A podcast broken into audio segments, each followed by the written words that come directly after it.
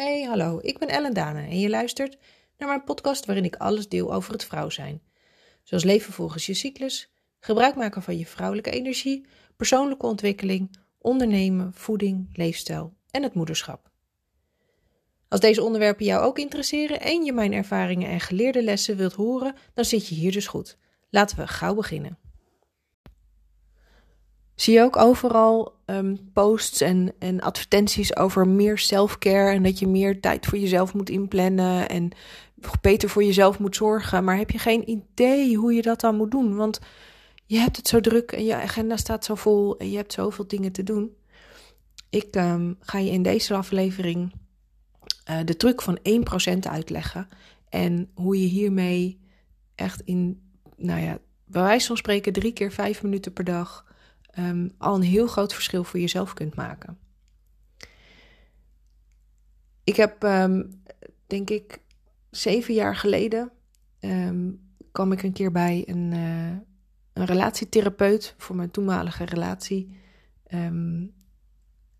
en daar, had ik ook, daar vertelde ik ook over dat ik zo moe ben en dat ik altijd maar dingen moet doen en bezig ben. En dat ik daardoor ook geen zin had om um, met mijn partner um, nou, intiem te zijn. Of, um, of dat, dat ik geen ruimte voelde om daar ook nog eens een keertje mijn tijd en mijn energie aan te besteden. Want ik had al zoveel te doen en ik, ik voelde al zo die druk dat, ik, dat ik het allemaal alleen moest doen. En Um, dat was natuurlijk een probleem binnen die relatie. Niet alleen, dat was niet het enige probleem. Maar dat zorgt natuurlijk wel voor dat je op een gegeven moment ook wat meer uit elkaar groeit. Als jij um, constant moe bent en nergens zin in hebt. En je partner wel, dan op een gegeven moment dan gaat dat natuurlijk wrijven. Nou, en ook voor jezelf is het gewoon heel vervelend om dat gevoel te hebben dat je, dat je het allemaal maar net redt. Of dat je nou ja, ik had toen heel erg het idee dat ik ook geen controle had over mijn eigen leven of mijn eigen agenda. Dat ik een soort van geleefd werd in plaats van dat ik uh, ook echt genoot van de dingen. Dat, dat was in die periode was dat best wel ver te zoeken. En wat die relatietherapeut toen tegen mij zei, en, en, de, tip die ze mij meegaf, die, die hanteer ik nu nog steeds. En ik geef hem ook door aan andere vrouwen die ik, uh, die ik begeleid. En het is keer op keer weer echt een enorm groot succes. Dus vandaag deel ik die truc met jou. En het gaat er namelijk om niet dat je uh, kosten wat kost tijd voor jezelf inplant. Of dat je zegt, ik moet nu een uur per dag iets voor mezelf kunnen doen. Want dat is vaak veel te veel. Zeker als je al heel druk bent. Zeker als je al het gevoel hebt dat het je allemaal even iets te veel wordt. Um, en ik zeg dan altijd: begin heel klein. Want op het moment dat je jezelf um, ehm, 1% kan geven van datgene wat je nodig hebt, dan, dan ga je al een verschil maken. En nou denk je misschien, ja, wat maakt dat nou uit? En ook daar heb ik geen tijd voor. En ik wil je graag meenemen in nou ja, een aantal voorbeelden waarop dat inderdaad kan werken. Um, Stel dat je voor jezelf, en dat moet je natuurlijk als eerste doen, hè?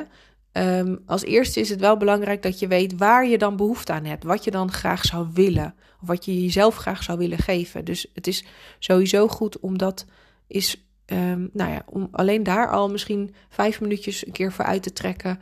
En even te gaan zitten. En misschien met een pen en papier erbij. Om eens voor jezelf op te schrijven. Oké, maar wat zou ik mezelf nou zo graag willen geven?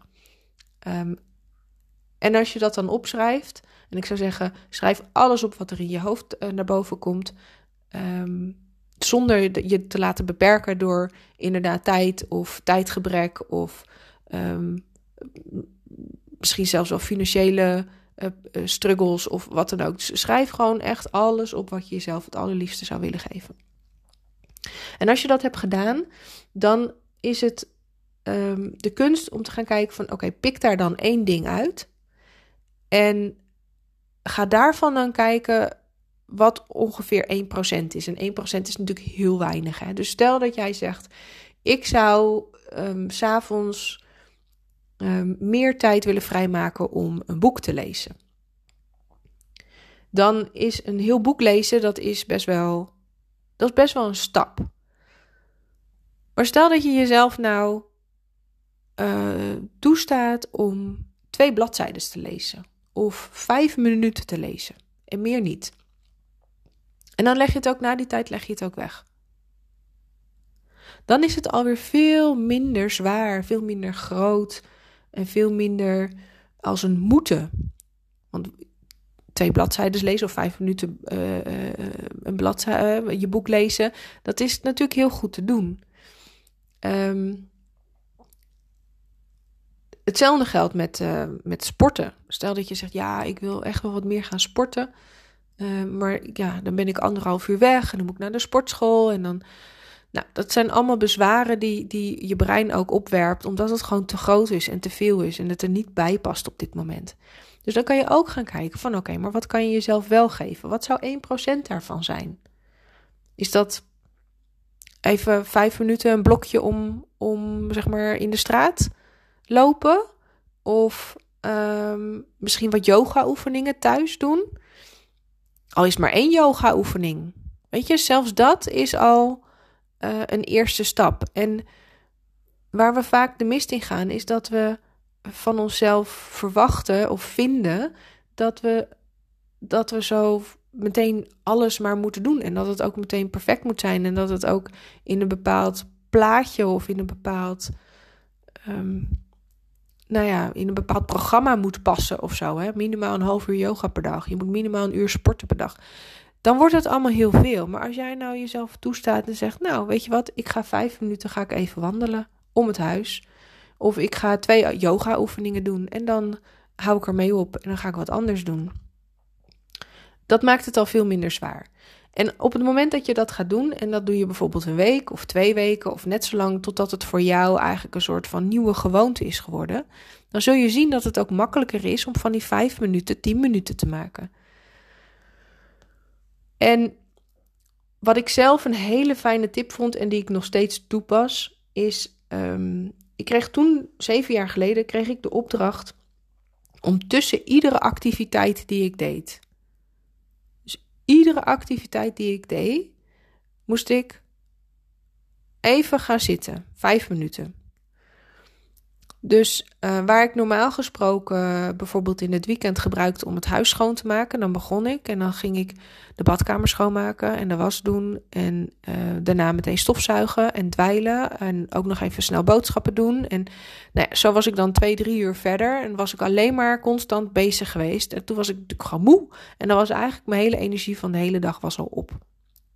En wat zij zei, ik wil dat als je hebt gestofzuigd, dat je even vijf minuten gaat zitten misschien even wat te drinken pakt.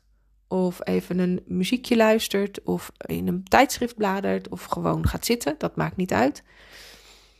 En pas daarna ga je het volgende doen. Nou, en in eerste instantie had ik gezegd: ja, jeetje, maar dat is toch gewoon heel. En dat voelde ook heel onprettig, hè? Heel ongemakkelijk. Want ik had zoiets, ja, maar als ik dat nu even snel doe, dan. Maar ik heb het wel gedaan. En ik ben dus vanaf dat moment ben ik iedere keer tussen al die activiteiten toch even gaan zitten of even, um, even wat drinken. En ik merkte ook echt een heel groot verschil. Want op die manier kon ik gewoon makkelijker um, al die dingen doen omdat ik even een rustmomentje had gepakt. Maar wat er na verloop van tijd ook gebeurde, was dat ik, dat ik mijn die werkzaamheden ook veel efficiënter ging inplannen. Want in plaats van dat ik. Um, kijk, schoonmaken, dat was voor mij iets. Oh, daar ben ik bijna een halve dag mee bezig. Dus dat wacht ik tot het weekend. Um, wetende dat ik dan zeg maar al eigenlijk die hele dag niet heel veel waard was. Maar wat ik ging doen toen ik die vijf minuten tussendoor ging uh, pauze nemen, um, dat ik op een gegeven moment al die activiteiten gewoon in brokjes ben gaan happen. Dus ik deed niet meer alles op zaterdag of in het weekend. Nee, ik verspreidde het door de week. Want ik vond het makkelijker daardoor om te zeggen: Oh, ik hoef maar één ding te doen. Schoonmaken betekent niet dat ik in één keer het hele huis of in één keer alles moet doen. Nee, ik kan het ook in brokjes doen. En je kan dit bijvoorbeeld ook op je werk toepassen. Als jij, stel je zit de hele dag achter, um, achter je computer en um, nou ja, dat doe je van uh, s ochtends half negen tot s avonds half vijf. En misschien dat je tussendoor heel even nog pauze neemt. Of misschien dat je zelfs je boterham achter je, achter je computer opeet. Um, maar dat is enorm energieslurpend. Want na anderhalf uur, twee uur max, is je brein wel een beetje opgebruikt. En als jij dan doorgaat, dan kost het alleen maar veel meer en meer en meer energie. Dus als jij iedere anderhalf uur even zo'n mini-break neemt van vijf minuten, waarbij je het liefst ook nog iets actiefs gaat doen, zeker als je de hele dag zit. Um, hè, dus even een, uh, een, rondje koffie doen, of even een paar keer de trap op en neer lopen, misschien even een rondje om, uh, om het gebouw, of nou, ik zeg maar wat geks, uh, 20 kniebuigingen, of even één, één favoriet nummer, muziek luisteren. Of gewoon even zitten, ergens in een hoekje. Als je dat uh, dus een aantal keren op die dag doet, dan zul je zien dat je aan het einde van de dag veel meer energie hebt. En dat je ook productiever bent geweest. Je brein heeft die reset even nodig om daarna ook weer gewoon goed te kunnen functioneren. Dus het lijkt in eerste instantie alsof je tijd verspilt, maar uiteindelijk win je er uh, productiviteit, maar ook energie mee. Dus ik zou je willen uitdagen om, um, nou ja, misschien meteen al vandaag, eens te gaan kijken van oké, welke activiteit doe ik en wanneer kan ik die micro-breaks, die mini-pauzes in gaan bouwen. Dus als je heel actief met dingen bezig bent, dan kan je eens kijken van oké, kan ik tussen twee activiteiten of drie activiteiten, kan ik daar inderdaad even zo'n mini-break nemen. En stel dat je de hele dag achter je computer zit, dan um, zou ik zeggen, pak iedere anderhalf uur even zo'n momentje. Dat je even echt even iets heel anders gaat doen dan met je werk bezig zijn. En het liefst dus iets fysiek, zodat je brein ook even pauze krijgt. Um, nou, laat me vooral weten of dat voor jou ook zo'n groot effect heeft als voor mij. En als je dit een, uh, uh, een uh, waardevolle tip of aflevering vond, zou ik het echt super op prijs stellen als je als je dit zou willen delen met andere vrouwen waarvan je weet dat die hier ook tegenaan lopen, zodat zij hier ook hun voordeel mee kunnen doen. Voor nu zou ik zeggen dankjewel voor het luisteren en tot de volgende aflevering.